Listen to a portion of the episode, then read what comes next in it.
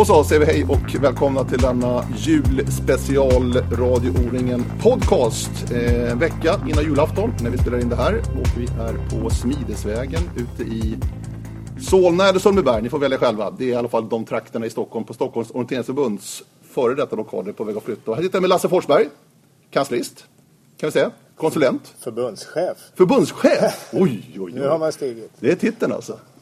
Ja, välkommen, kul att se dig.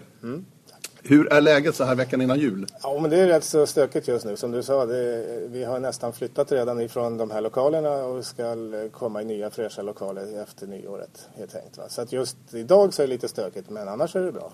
Ja, fin, fint eh, löpväder. Ja, verkligen. Var är snön? Var är vintern? Exakt. Saknar du snön eller? Ja, det gör jag. Och skidorienterarna här i Stockholm saknar det ju. Det är ju tråkigt som det är. Men vi har ju levt med det i 20 år nästan, eller drygt. Att det är lite dåligt med snö. De sista två åren var det bra, men, men det kanske har varit ett undantag då, känns det som. Vi får se. Ja. Vi ska inte slänga in handduken. Med här och summerar året som vi ska göra lite grann faktiskt. 2013 finns också Rickard Olsson, välkommen. Tack så mycket. Eh, speaker par häst på Radio O-ringen och O-ringen.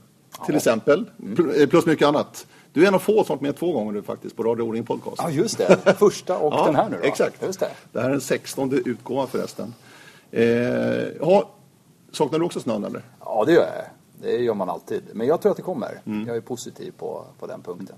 Det kommer. Även till Stockholm. Mm. Och andra orter förhoppningsvis. Precis. Eh, vad minns vi av 2013? Om bara bollar upp en sån. 2013. Eh, vad minns du mest? Det behöver inte vara orientering. Utan vad, vad minns du av det här året? Nu, ja. nu ska jag summera lite lätt. Ja, Jag minns ju vintern att jag körde sönder min bil. Ja. Det var jättekul. På Essingeleden, E4, klockan 10 över 6 på morgonen, iskoka. Andra filen till vänster. Långtradare till höger. Bil till vänster. Bara hålla i ratten och gasa. Och det smäller till. Och sen har jag fått skaffa en ny bil. Det är vad jag minns. Va? Det- det är ditt 2013? Ja, ja det är det. Är inte så kul, men det är ändå en händelse som man minns. Ja. På Essingeleden också? Ja. Aj, aj. Det var en jävla långtradare. Det var ingen vidare alltså? språket, men så är det. Det var ingen vidare? Nej, det var ingen vidare. Nej. Nej. Annars, så, annars är det bra. Ja. Rickard då, vad, vad, vad plockar du fram? Jag var plockar fram. Jag har inte hunnit summera året. Jag brukar göra det på nyårsafton. Så jag, jag får återkomma med nästa podcast. Nej, men... Eh, eh, mycket jobb. Mm. Ja, det brukar vara signum för, för mig. Eh, och jag tar det det här året igen. Eh, och sen så siktar jag framåt till 2014. Ja. Men jag tycker 2013 var ett bra år. Faktiskt. Ja, jag håller med. Ja, absolut. Det har varit mycket. Jag ska plocka fram lite grejer här. Till att bara stanna vid dig först, eh, Lasse. Du, du har ju en bakgrund som orienterare och friidrottare. Nu är det ganska många år sedan i och för sig. För många år sedan, ja. Ja, men du var en väldigt duktig, jag måste bara ta det för att det är inte så många kanske har koll på det. Hur, hur bra var du som friidrottare, löpare, hinderlöpare? Under den, på den tiden så var jag inte så jättebra. eh, Så jag kanske var sexa i Sverige. Men jag gjorde i alla fall under 8.40, 8.39 på 3000 meter hinder. Och det är ju inte så många som gör det idag. Så att ur det perspektivet så var det väl rätt okej då. Men, men, och det var ju på orienteringsmeriter som man gjorde den tiden. Det var ju, en, det var ju så det var med orientering på det. det var ju, man var ju duktiga löpare. Det finns ju Ja, det finns ju fler. Åke, Åke Jönsson var otroligt duktig löpare. Sören Jonsson var otroligt duktig. Ja, Kjell-Erik Ståhl känner man ju kanske mer till då, men, men det fanns väldigt många duktiga löpare bland orienterarna. V- vad- är det som har hänt egentligen? För att en eh, hundrade plats på Lidingöloppet 1985 är ju värd en 20 plats i dagens läge. Ungefär, om vi hårdrar lite grann. Vad är det som har hänt? Ja, det kan ju vara flera orsaker. Det är väl, ett, ursäkta, det är väl en, en del utav samhällsutvecklingen att de här fysiska idrotterna kanske inte är lika populära. Men, men jag tror att det, här tävlandet i sig är inte så viktigt för folk idag. Idag är det mera deltagandet, eventet som är viktigt. Men, men att prestera och få en prestige i samhällsbilden för att man är en duktig idrottare kanske inte är lika stort. Nu är det nu är det kanske tjäna pengar eller förverkliga sig själv som är, ligger mer i fokus. Jag vet inte, men det är en, en amatörhypotes. Mm. Och det här med att TV tar en större plats i dagens läge. Alltså allt televiseras i nästan. Kanske inte när det gäller konditionsidrotterna, men eh, det är väldigt mycket TV-idrott i dagens läge. Ja, Nej, men det är mera, mera showbiz och upplevelse. Så där kan man väl säga att orienteringen ligger ju bra i tiden på ett sätt. Va? Det är en upplevelseidrott. Men nackdelen är att vi inte syns kanske på det viset. Vi- Det syns inte vad vi håller på med. Va? Men man frapperas ju av att det kan springa 10-12 tusen personer på ett tjurrus ute i Lidaskogen där vi då har sprungit 10 mila 25 manna. Mm. Och, och, och, det är världens happening. Men det vi gör varje helg då i orienteringssammanhang det, det upplevs inte som speciellt unikt va, på något sätt. Va. Och de betalar dessutom 4, 5, 600 kronor ja, för det. Ja, exakt. så, så visst blir man lite, man kanske både blir avundsjuk och, och lite ja, trött. Ja. Mm.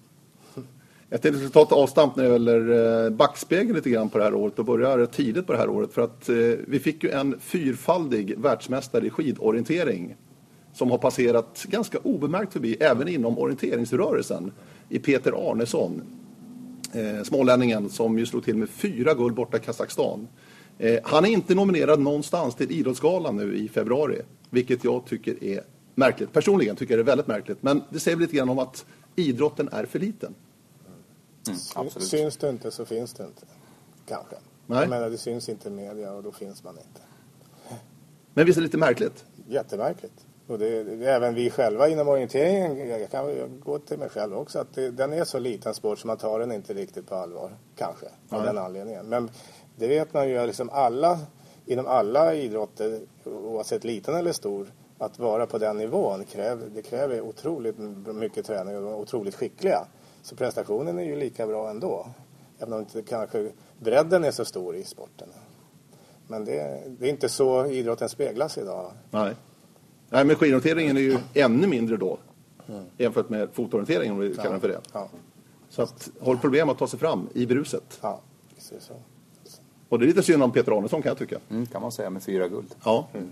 Vi har ju en nominering till Idrottsgalan och det är ju Tove Alexandersson som är på Årets kvinnliga idrottare. Eh, tog inget guld på orienterings-VM i Finland men däremot tog hon guld i Kazakstan också på skidorienteringssidan. Eh, hur står sig Tove i dagens idrottslandskap i Sverige? Om du ser på, det, på den kvinnliga sidan. Ja, men det finns ju så många andra idrotter som, eh, som eh, svenskarna eh, lägger fokus på. Vi kan ju ta fotboll och hockey. Nu är det kanske mer mansdominerat mm. än, än för kvinnor. Jag tror det är svårt för, för för orientering och nå ända fram till att vinna ett pris. Jag håller ju mina tummar för, för Tove men eh, jag tror det är svårt. Någonting måste förmodligen göras mm. för att det ska bli mer statusorientering. Och då frågan, vad, vad beror det på? Ja. Syns vi för lite? Ja, sen är det väl tyvärr sitter det väl kvar sen i skolan det här med eh, lite nördstämpel på orienteringen. Så är det ju tyvärr att, eh, ja du håller på och orienterar. Ja, okej, okay. ja då vet vi vem du är ungefär. Mm. Det är lite synd, det måste man tvätta bort. Hur vet jag inte. Det var, som, det var som den svenska journalistkåren skulle ju, eller skulle ju, rösta ju fram årets orienterare varje år. Eh, och det offentliggjordes för en månad sedan ungefär, samma med konventet i Skövde. Eh, och det vann ju Tove. Eh, jag röstade själv där. Mm. Och då är det så att när man röstar så skriver man tre stycken namn. Ja, ni hör, de håller på här borta också. Ja, vad sån där. Pallyft. Pallyft, ja. precis. Jo, man skriver upp tre namn. Ett, två, tre. Så att eh, ettan får eh, tre poäng och tvåan får två poäng och trean får tre poäng. Eller en poäng tror jag. Eh, jag hade Peter Arnesson högst på min lista. För jag tycker han var årets orienterare. För att skidorientering är ju en del av svensk orientering. Så enkelt är det ju. Men eh, Tove vann det priset och även där alltså inom orienteringsjournalistkåren så räcker inte heller Peter Arnesson till och det tycker jag är lite märkligt. Mm. Men det, det, är väl så, skidorientering är ju en ny gren inom orienteringen ska man ha respekt för. Mm. Och jag tror stora delar av svensk orientering så är inte skidorientering en orienteringsidrott. Så det, det tror jag är en av orsak. Mm. Men, men, eh, som sagt prestationsmässigt så, så får, får ju Peter alldeles för dålig uppmärksamhet. Mm. Det, det, mm. tycker jag. Vi, vi, fortsätter den här resan genom året lite lätt i backspegeln. 10 mil stannar upp i, på vårkanten där, eh, så mycket här norr om Stockholm. Eh, där det återigen och en kamp mellan de två stora. Kalamarasti och Halden. Thierry Chouchou versus Olav Lundarnäs som inte alls var i form den här dagen och Kalevan vann ju. Men när ska de svenska lagen ta plats på 10 mila? Lasse? Ja, det, det, kan man ju undra. Det, det, finns, det finns ju eller det finns ju klubbar som har målsättningen och ambitionen. Men frågan är om man har den nördigheten som krävs i ett helt lag. Jag menar att Kallevan och Halden lyckas, det beror ju på att man, nu kanske jag slår in öppna dörrar, det gör man, man samlar ihop ganska mycket bra folk på ett, på ett något bra sätt. Eh, om det är pengar med i bilden eller inte, det, vet, det låter jag vara osagt. Men att man, när man har i princip tio landslagslöpare så är det ju klart att det finns större möjligheter än om man är en, hem, en hemvävd klubb mm. enligt den traditionella ideologiska biten ideell verksamhet. Så så är det. Så att, men om Sverige skulle vilja, eller någon klubb skulle vilja och hade de ekonomiska resurserna så skulle man väl visst kunna ta upp kampen. Södertälje har ju varit nära, eller är, är ju med i fighten fortfarande. Södertälje är alltså den enda svenska lag som har vunnit då sedan 1987. När Bäckelaget inledde då den här utländska segerraden. Var, var den 2005 i Kungsängen? När eh, det var en spurtstrid där på slutet. Eh, men frågan är, alltså, jag håller med till 100 procent att Kalmar Rasti och Hallen är inte lätt att tas med. I och med att de samlar ihop det så mycket. Men nu blir det nya förutsättningar till våren i Eksjö. Med ett lite ett nytt upplägg med korta startsträckor och en kort slutsträcka. Tror du det kommer påverka tävlingen någonting? Ja, det blir väl lite mer tankeverksamhet ute i klubbarna, det tror jag. Jag, jag är också positiv till eh, det här att man startar idag på dagsträckor, alltså med ljusa sträckor. Alltså att det blir, man kanske håller ihop eh, tävlingen lite grann i början och sen så mot slutet så blir det lite vanskligt om man ska ha toppa med, med världsstjärnor eller om man måste ha någon annan om det är lite mörkt på slutet kanske också. Va? Så lite mer taktik tror jag det blir. Va? Mm. Det blir intressant. Mm. Men, men å andra sidan så är ju de här Halden och Kallevan och, och, några till lag, de är ju liksom i en division för sig ändå. Va? Så att jag har svårt att se att det skulle dyka upp någon gubben i lådan-klubb. Det, det har jag svårt för att se. Är det inte PK i Sverige, politiskt korrekt, att värva ihop ett riktigt bra teamlag i en svensk klubb? Jo, men det är det väl. Ja, det, nu är det nog mer det korrekt än det var tidigare. Ja. men, men eh, bevisligen rår vi inte på de där lagen ändå, så är det. Ja, det, det, är inte lätt alltså. Men det är väldigt många lag som är med de ska säga, sex första sträckorna, kanske sju. Mm. Sen smäller det ju på. Mm. Och där behöver man ju världsstjärnorna på slutet, så är det. Och har man inte dem då vinner man inte utan då tappar man de där viktiga minuterna på de tre sista sträckorna. Mm. Och det är ju så det är. Men jag tror det här med lite mer natt på, mot slutet, alltså det, mm det, det, finns ju klubbar som Lidingö och Järla, om man tittar i Stockholms perspektiv då, som ändå satsar på nattorientering. Och det, det ger ju resultat. Va? Och mm. Där tycker jag då kanske att svenska klubbar är lite för mjäkiga. Alltså man, är, man är, tar inte fighten ordentligt på just nattsträckorna. För det är där, vi, där man skulle kunna ha chansen då. Mm. Nattorientering är ju inte speciellt stort internationellt. Om det nu överhuvudtaget existerar. Ja. Men en liten, en liten önskan så här till nyåren då faktiskt, att en svensk klubb kan vara med ut på sista sträckan och med och fightas. Mm. Det vore kul. Det vore verkligen kul. Med Halden och Kalmar, för att jag är rätt säker på att de kommer vara med där. Även till våren. Ja, ja det kan vi nog konstatera. Ja, verkligen. Eh, VM i Finland blev ju ett eh, guldfritt VM för Sverige faktiskt. Eh, på damsidan var det inte så mycket att snacka om. Där fanns ju en viss Simone Nigli som tog alla guld individuellt. Eh, oerhört imponerande. Nu har hon eh, lagt ner sin karriär vad det gäller VM-springande i alla fall och öppnar upp för de, de nya då, bland annat då Tove. Men vad säger vi om Simone? Fantastisk orienterare, det är väl det enda man kan säga. Eh, fantastisk tjej, fantastisk idrottare. Eh, ja, det är bara att ösa på hur mycket som, som det bara går. Ja, man blir, för, man blir återigen fascinerad då, då Carolina Klüft var. Var inte hon någon sån här årets idrottskvinna mm, internationellt? Va? Mm. Kolla vad Simona har gjort. Mm. Det är ingen som pratar om årets idrottskvinna liksom. Nej.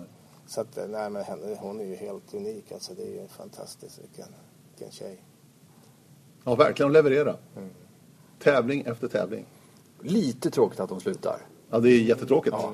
Det är de verkligen. För hon är en profil inom orienteringsvärlden. Absolut. Det är hon definitivt. Men det är lite Peter Arnesson syndrom här då i Sverige vad gäller Simona internationellt. Mm. Kan vi faktiskt dra den liknelsen. Men annars då, jag var tvungen att skriva upp här och kolla faktiskt. Jag hade inte riktigt hundra koll sådär. Det var ju två, tre silver. Annika Billstam på sprinten, Tove Alexandersson medellång och tre stycken brons också. Lena Eliasson, Jonas Leandersson och en stockholmare och ravinenlöpare Gustav Bergman, bronset här på medeldistansen. Mycket njöt du av det? Ja, jag njöt mycket. Jag var faktiskt i Finland också och tittade på VM, bevistade. Och det, även om det inte varit några guld så var det ju jättespännande och trevligt att vara där och, och se på tävlingarna. Så att som ravinare var man ju jättestolt såklart. Det, det måste man säga. Och det, det var väl inte, för oss inte helt oväntat för, för Gustav har verkligen stuckit ut hakan och satsat på medeldistanserna och ville verkligen vinna Mm. Nu nådde han inte ända fram, men det var inte så långt ifrån. Kanske lite, eh, lite för lite bakgrundsträning. Han är ändå bara 23 år. Mm. Mm, och det, det, krävs ett många år, års hård träning. Mm. Men sprungen ur eh, Stockholmsorienteringen. Mm. Hur står sig Stockholmsorienteringen idag? Alltså du som, har, som är förbundschef här i Stockholm.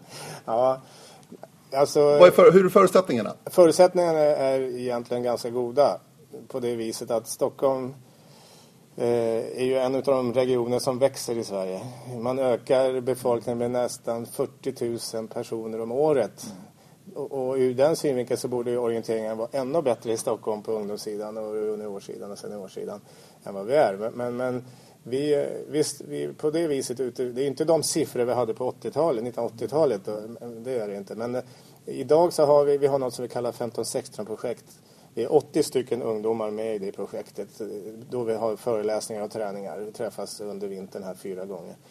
Och så har vi 50 drygt som är med på ungdoms-SM så att, men, men sen har ju vårt dilemma varit liksom att man har inte kommit, man har haft bra juniorer, man har varit, hållit i ända upp i junioråldern men sen liksom har det liksom på något sätt ebbat ut. Och, och det, det, är ju vår utmaning, att försöka förlänga karriären mm. så att säga. Att inte vara barnstjärnor utan att fortsätta hålla ut. Mm. Och bli en Gustav Bergman, Anders Holmberg. Olle Boström. Olle Boström, precis. Och på tjejsidan har vi också haft duktiga. Mm. Vi har Helena Karlsson nu då som är är ung och, och Annika Billstam som i och för sig inte har bott i Stockholm på, på några år men, men hon är sprungen ur Stockholmsorienteringen. Sara Eskilsson i landslaget. Sara Eskilsson, precis. Så, så att, nej men alltså... Eh... Men de här 40 000 då, innebär det då också att era möjligheter, alltså att mm. markerna krymper i och med ja. att det måste byggas här i Stockholm? Precis. Det, det är ju då baksidan på det hela. Det positiva är den här inflyttningen. Mm. Baksidan är ju, är ju liksom att Eh, markerna minskar, trycket, exploateringen gör ju att tillgången på marker minskar. Alltså. Och, eh, jag, när ni kom här så var jag i ett samtal med, med en förening där, där, som skulle, ska arrangera en tävling till nästa år. Och, eh, där Stockholms stad tidigare var markägare. Stockholms stad har nu sålt av all mark man har haft utanför Stockholms stads kommungräns. Man hade mycket markreserv för expansion och för friluftsliv. De har sålt bort det, en ideologisk fråga. Eh, nu är det en stor markägare som har köpt det, en, en, eh, ett gods söder om stan. Det ska inte vara någon orientering. Mm. Och, och, det, är liksom, det här lever vi med mer och mer. Alltså. Att det är mer de marker som finns, det är inte bara orientering. Va? Det är ju alla möjliga saker. Cykel, cykel fanns ju inte för 20 år sedan i skogen. Nu är det mountainbike och det är mountainbike-orientering. Och det är, det är allt möjligt vad som ska genomföras. Så att trycket, konkurrensen om markerna ökar ju också. Mm. Så att det här är någonting som vi jobbar hårt med. Förutom att försöka länga, förlänga karriären för de här unga juniorerna och seniorerna och få, få dem att utvecklas till sin potential så, så har vi då å andra sidan platsen. Vad, vad ska vi bedriva vår elitverksamhet? Alltså, så att säga. Blir det bara sprintorientering inne i, i förorter eller vad blir det i framtiden? vi vet inte. Men, men det, det, det, känns lite jobbigt, det kan, kan vi erkänna. Alltså. Mm. Mm. Hur är det att komma åt marken? Krävs det att man köper tillstånd, alltså rätt för att använda marken? Eller hur, hur långt har det gått? Det, vi köper ju inte till, tillgång till att springa i skogen men, men det, liksom, det hjälper inte. Vi kan ju inte äh, liksom, angöra skogen med fallskärm. Vi måste ju ha, vi måste ha en tävlingsarena, en tävlingscentrum så att säga, med parkeringar och det. Och där blir det ju mer och mer att vi måste betala för oss för att vara där. Det, äh, jag, vet, jag kan ju inte hela bilden ute i landet så att säga men jag, med, med, med, det jag känner till, så, till exempel i Skåne, där tar man inte ens ut parkeringsavgift. Mm. Och det är ju för att man inte vill heller skylta med att man, man betalar för sig till markägaren så att säga. Va? Så, så att eh, där har det blivit mycket mer. Och det, det, det, är ju mer, hela samhällsstrukturen i Stockholm är ju det att man är mer benägen att betala för sig. Det spelar ingen roll vad det är. Va? Det kan vara mm. eh, ja, det ideella säga, arbetet finns ju men det, det är mera kopplat till sin egen vinning på något sätt. Att man kan skänka någon slant och sen så får man sitt namn någonstans. Men att, att vara med i en idrottsförening och, och driva det med ordförande, sekreterare det, det, det, ser vi att det blir allt tyngre här i Stockholm. Och det kan, kan vara olika orsaker till det då. Men, men en sak är att alla de här 40 000 som flyttar in, de kanske inte har den här, den här sociala strukturen som vi infödda stockholmare. Vi har mina föräldrar här som kan vara en, en, en avlastning i, i det ideella arbetet. Jag kan lämna mina barn hos mina föräldrar medan jag jobbar ideellt. Mm. Det kanske inte de nyinflyttade kan göra. Utan de, de bygger på att det finns ett, ett samhälle som tar hand om barnen, barnomsorg under dagtid. På kvällar och helger då kanske det, de måste lösa det här på annat sätt. Mm. Och då kanske det här med pengar kommer in i bilden också. Mm. Ja, det här är, det, det är en utmaning också såklart. Och det har vi ju sett att Sverige har blivit mycket mer avlångt på det sättet. Att, eh, och, och Svenska orienteringsförbundets regelverk är ju, är ju byggt kring att Sverige är inte avlångt utan Sverige ser likadant ut. Och där, där, mm. där tycker väl vi då i Stockholm att man borde vara öppen för att ha lite mer olika lösningar. Att det behöver inte vara cementerat i ett regelverk allting liksom, utan till exempel att våran kostnadsbild för att få, få tillgång till material eh, för idrottsplats till exempel. Det ser helt annorlunda ut mm. än vad det gör på en liten kommun ute på landet, mm. i landsorten. Mm. Men kan man gå utanför eh, Stockholms stad då, och hitta kartor och bra marker ja, ja, utanför? Är det en tanke som... Ja, men det, så är det ju. Det, men jag menar, det är ju... Idag så har vi ju i princip bara naturreservat som vi kan orientera på i Stockholms stad. Alltså det är Nackareservatet är ju något som man känner. Grimstaskogen mm. känner man till. Mm. Hansta, alltså Järvafältet.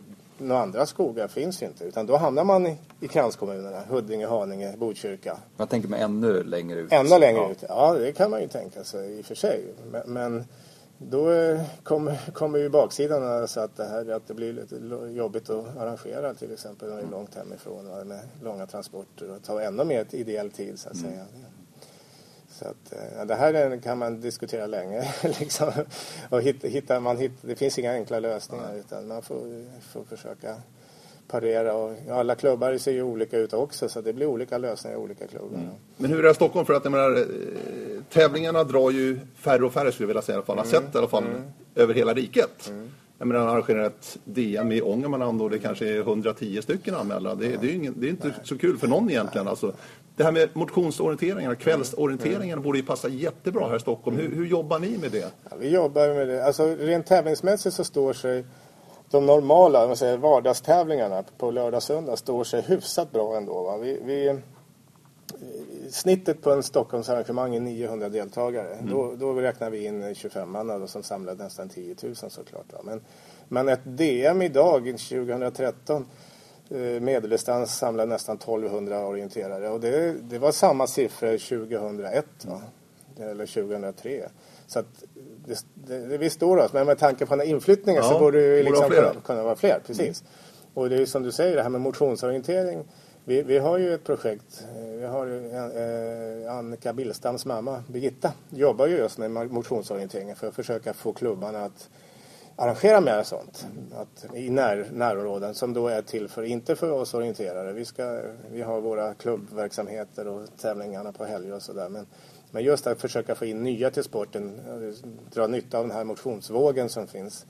Så att eh, det genomförs men det, det, där hamnar man i det här läget när klubbarna har begränsat ideella krafter. Och vad ska man prioritera? Ska man prioritera ungdomsverksamhet mm. Mm. och klubbstuga och eh, ett stort, större arrangemang?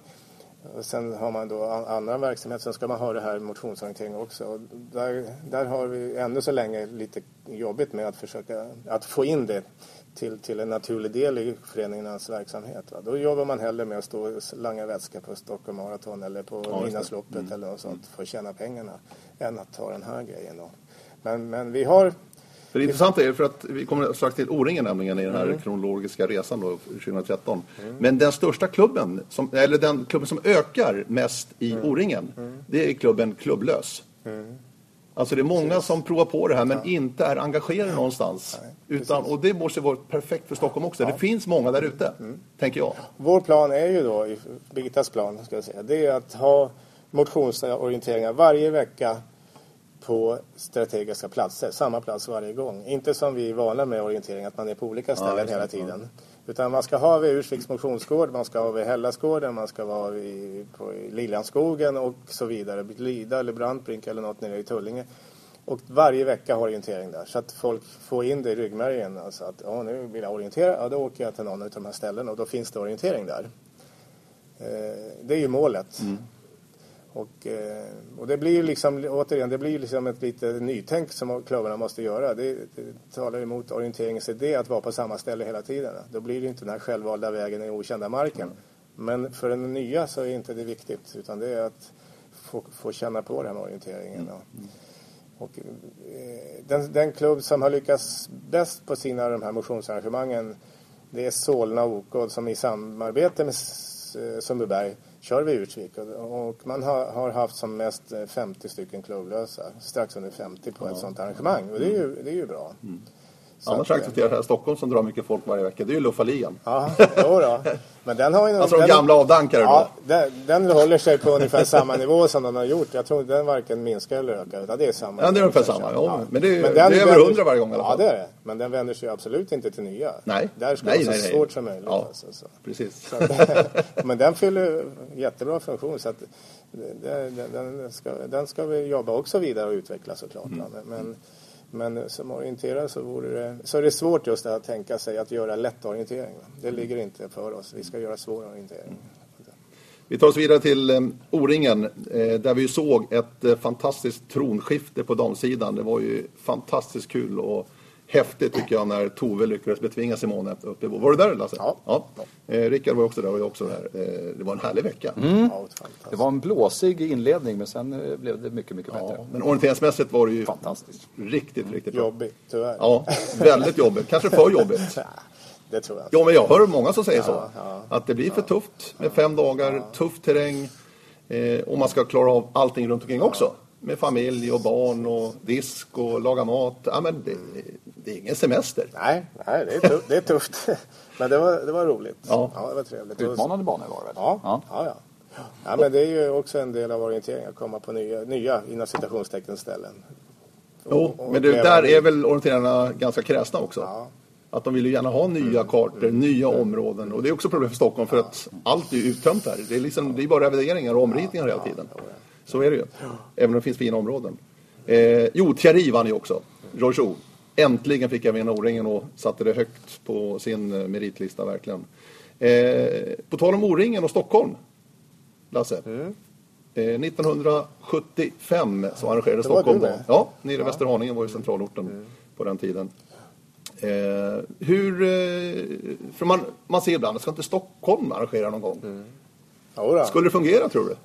Inte med det traditionella O-ringen, det kommer inte att fungera. Det är så enkelt är det. Men ni pratar om det lite lätt? Ja, nej men det, vi har ju lyft frågan. 2004 var det ju väldigt aktuellt men, men då var det någon Östermalmsdam som skulle rasta sin tax där ute så då gick det inte. Du var på Gärdet då? Ja, då skulle Seorten vara på Gärdet. Ja. Så, så då vart det. Och då, gick, då var det liksom lite stopp i kreativiteten här. Men sen har det varit uppe ett par gånger. Både från O-ringens sida har man varit intresserad av att få hit O-ringen till Stockholm.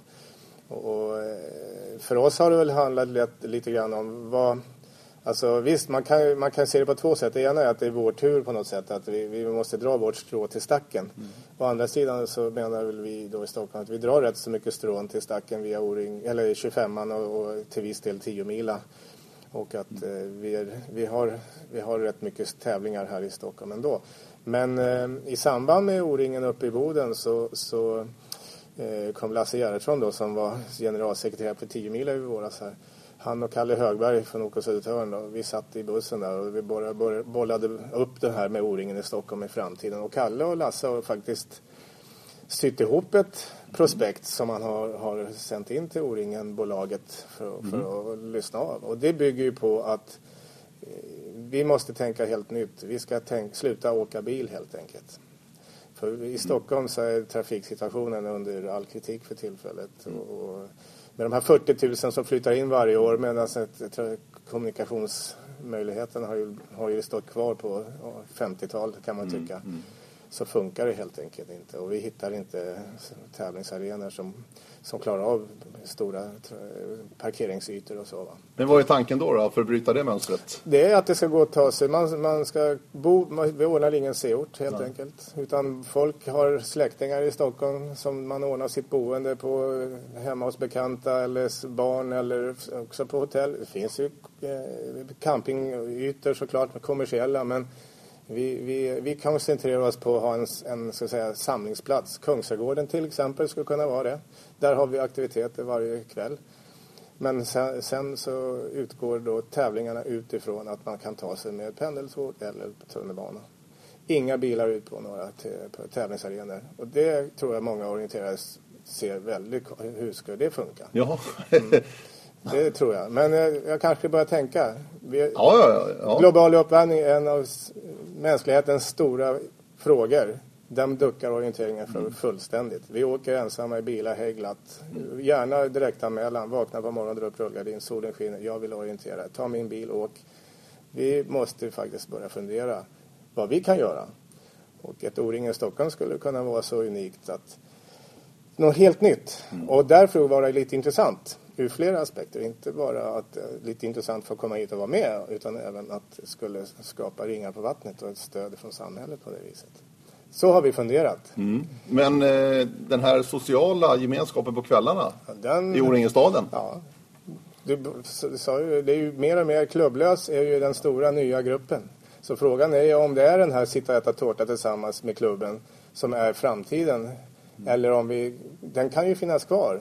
Men, men kanske på ett annat sätt. Det kanske blir på Pizzeria della, della Lata. Eller jag vet inte vad den kan heta. Det är där man träffas i klubben istället och, och käkar glass. Så att jag tror återigen, tänka lite nytt. Då. Ja, men det här, det här är ju revolutionerande tankar. Ja, att ta bort kul. hela liksom, O-ringestaden ja. och campingen ja. och den sociala biten. Vi var ju uppe i Sälen för inte så många år sedan. Och eh, då hade man ju inte heller någon C-ort på det viset. Själv bodde jag i Tandådalen. Det var jättebra. Bekvämt och snyggt och tvättmaskin och diskmaskin. Inga tält och ont i ryggen. Mm. Men långt ifrån Lindvallen? Ja, det var det. Men det gick ju jättebra. Och, eh... Vad tror du Rickard? En lite, så här, lite, lite alltså. chockande här ja. faktiskt. Jag sitter och tänker, hur blir det här?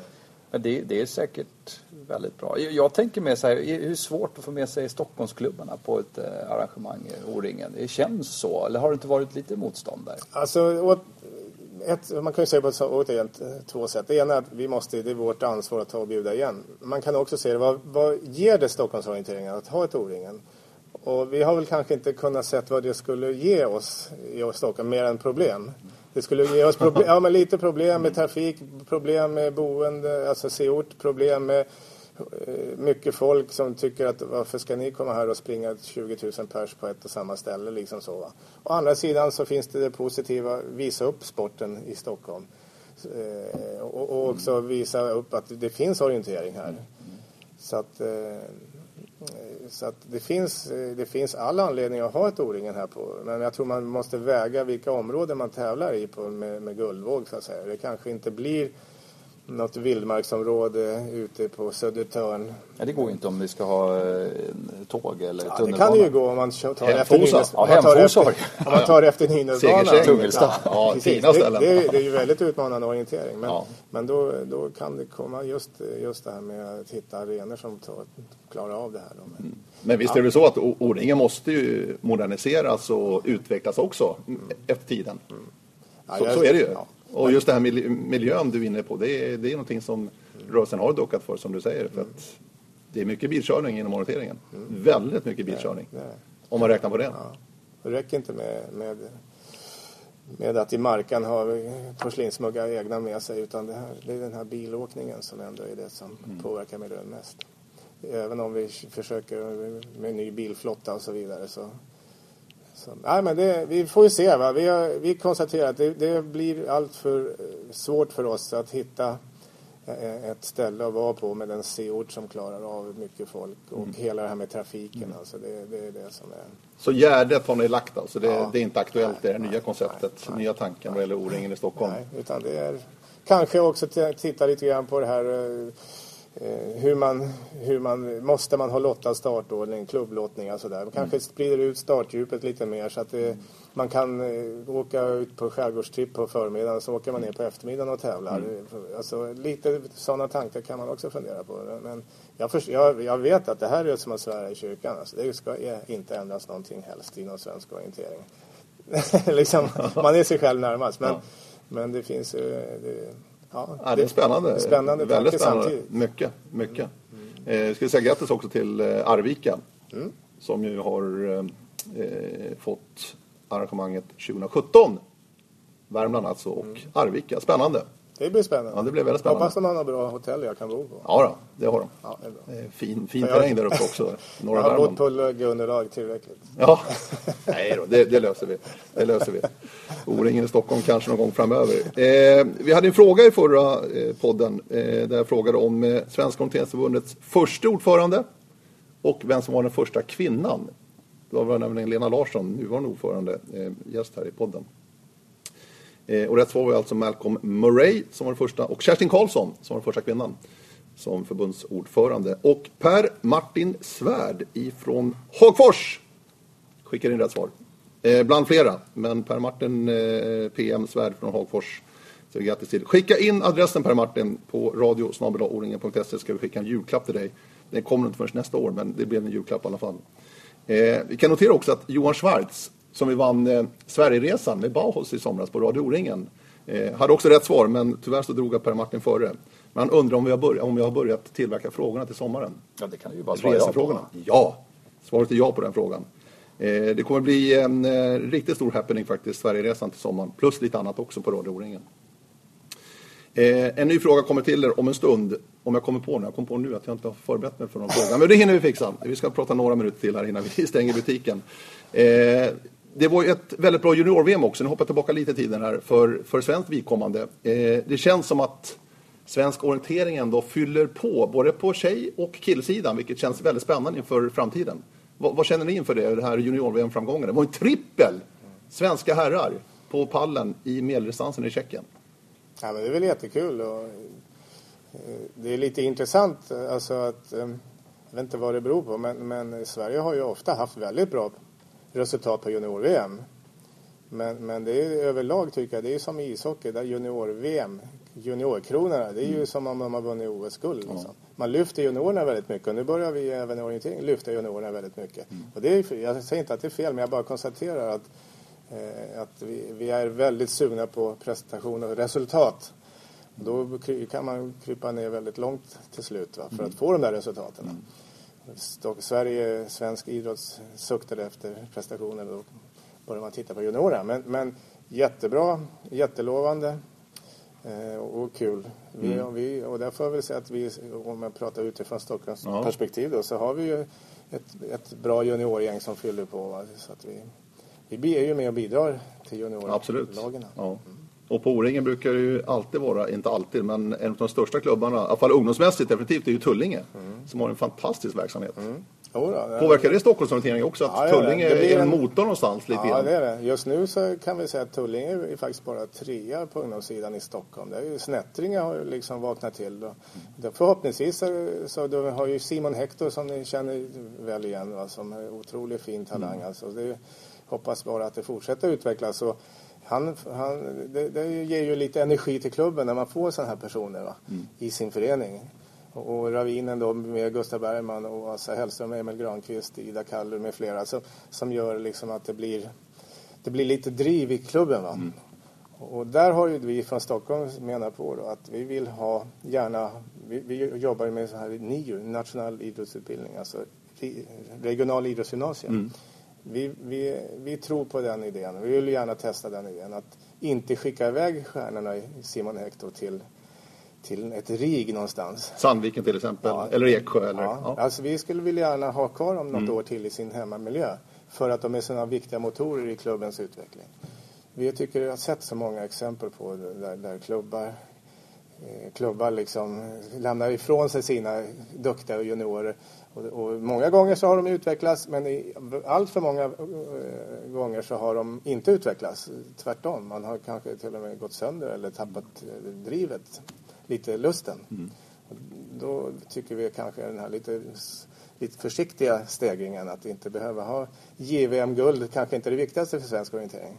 Kanske viktigare att de har guldet lite senare. Och då kan de utvecklas tillsammans med sina kompisar i sin klubb. Då. Det har varit en, en, en idé som vi, som vi jobbar med här nu då. Som vi vill slå ett slag för. Ja, juniorerna är ju så kul att ha med på O-ringen. Tyvärr är inte de med nästa år, då, de bästa juniorerna, i och med att junior-VM går samtidigt i Bulgarien. Men O-ringen-veckan är ju juniorerna kul att ha med. Ja. För att det är en otroligt viktig tävling för dem. Ja, det, de fightas in i det sista. Ja, ja det är riktigt häftigt. Eh, nu kommer fråga, jag kom på en fråga här nämligen. Satt här och funderade lite grann. Apropå juniorer. Nej, apropå Lasse Forsberg. Ah. Eh, har ju vunnit 10 mila. Så är det. Så är det. Hur många 10 segrar har Lasse Forsberg? Det är frågan. Eh, och det blir en jättefin julklapp för er som svarar rätt på den frågan, för den är lurig. Eh, ni skickar svaret till radio oringen.se. Eh, alltså hur många 10 segrar har Lasse Forsberg? Med OK Raviner kan vi säga. Det var ju din klubb och har varit till din klubb hela tiden. Förresten. Kort bara innan vi avslutar. Eh, 2014. Vad ser du mest fram emot? Ja, det är mycket, mycket roligt att se fram emot. Att bilen håller? Ja, det, ja, det hoppas jag. Nu, nu kör jag väldigt försiktigt. Nu blir det kö efter mig på Essingeleden. Nej, men det finns så mycket roliga Mm. saker som är på gång i vår här, till exempel. Då har vi ju 10 mila i Eksjö ser jag ju fram emot. Eh, Jag har ju fått förmånen att vara med i vår skogsspeaker ihop med Björn Persson sedan 2001. tror jag. 2001, ja. Mm. Och det, det är ju en riktig happening såklart. Sen, sen eh, lär man ju åka till O-ringen. Det finns ju inget att be för. Det, Nej. det är man. Och, Det blir fint så. Jubileumsupplagan också. Ja, precis. Sen ser jag fram emot SM-tävlingarna i, i, i Uppland faktiskt. Jag är ju, har ju fått förtroende att vara bankontrollant på medeldistansen där med Andreas Gjertsson som lägger banorna. Mm. Så där, det blir fint. Så Inte för att jag är kontrollant men för att han är banläggare. Ja, han en duktig fin, fin terräng. Ja. Ett SM i Stockholm kommer ju sen också. 2015. Just det. Precis. Mm. SM-tävlingarna här. Så att det har ni också att bita i under nästa år. Ordentligt. Rickard då? 2014? Ja, det börjar ju med ett olympiskt spel Ja, i Sochi. Just det. Ja, det ser jag fram emot eh, allra först. Ehm, sen kommer där du ska kommentera skidskytte. Ja, just det. Precis. Skidskytte tar jag hand om och du tar hand om längdskidorna. Jag tar hand om längdskidorna. säga det också. Ja, precis. Eh, Så att Radio O-ringen är väl Ja. representerat i Sochi. Det kan man nog Ja, det är säga. kul. Precis. Jätteroligt. Efter det så kommer ju orienteringarna igång. Nu är inte jag så här så att jag rör mig för mycket. Men, men eh, 10 mila ser jag fram emot. Eh, precis som Lasse säger. O-ringen 50-årsjubileum. Eh, det, men sen tycker jag man, man får inte glömma bort de här eh, små tävlingarna i Stockholm. Men nu när vi ändå är i Stockholm. Eh, Luffarligan, nu har jag aldrig varit ute på en sån. Men jag Ja, måste, måste jag måste Ja, ja. ta mig ut på Vi en sån. ju Jerry då på lunchen. Precis, han är ute på han är ute varje Det är ju onsdag. hans tävling. Ja. Ja. Eh, Men de här små tävlingarna och komma ut bara och känna glädjen som är och träffa gamla kompisar och springa en så här fyra kilometers eh, bana. Det passar mig utmärkt. Det ser jag fram emot. Jag- Vi, vi, kan, vi kan ju säga det också att ikväll kommer vi bilda en ny förening här i Stockholm. Ja, det kommer vi. Eh, ett, ett kompisgäng helt enkelt som gillar orientering och ja, vi kommer ut se både ordförande och sekreterare och kassör. Skriver på en servett som Torsten Ja, typ, Tegnér, va? typ. Ja, nå- något sånt kan det bli. Se. freden. Ja. ja, trevligt. Eh, jag ser väldigt mycket fram emot eh, VM i Italien också nästa år. Eh, där jag ska speaker för övrigt. Men det ska bli fantastiskt. Otroligt fina trakter, Dolomiterna. Jag gillar det skarpt. Eh, jag hoppas på fina svenska framgångar också. Gustav Bergman kanske kan slå till. Han tog ett JVM-guld i Italien i de trakterna faktiskt, 2009. Så att eh, kanske, kanske. Ja, det är orientering, allt Ja. kan hända. Det är ju det som är våran, så, så roligt med orientering. Ja. Det är inte som friidrott där man kan ställa ut skorna, höll jag på att säga. Man vet, vet redan innan Mm. vilka som kommer att vinna. Men orientering så har vi så är det framförallt på killsidan då. Nu när, I och för sig nu när Simone slutar så blir det kanske mer uppe på tjejsidan också. Ja. Men, men eh, just på här sidan så är det ju väldigt många som kan vara med och fightas. Så Mm. det gör ju hela mer intressant tycker jag. Som sagt var, eh, vi stänger butiken för 2013 och eh, önskar alla en eh, god jul och gott nytt år så syns vi på nästa sida. 16 avsnitt blev det av podden här under 2013. Bra Det här var jobbat. 16. Precis. Så att, eh, tack Lasse och god jul. Tack samma. Och Rickard också. Jag önskar detsamma. Och alla ni lyssnare också. Precis. Ha det gott, god jul och gott nytt år. Hej då.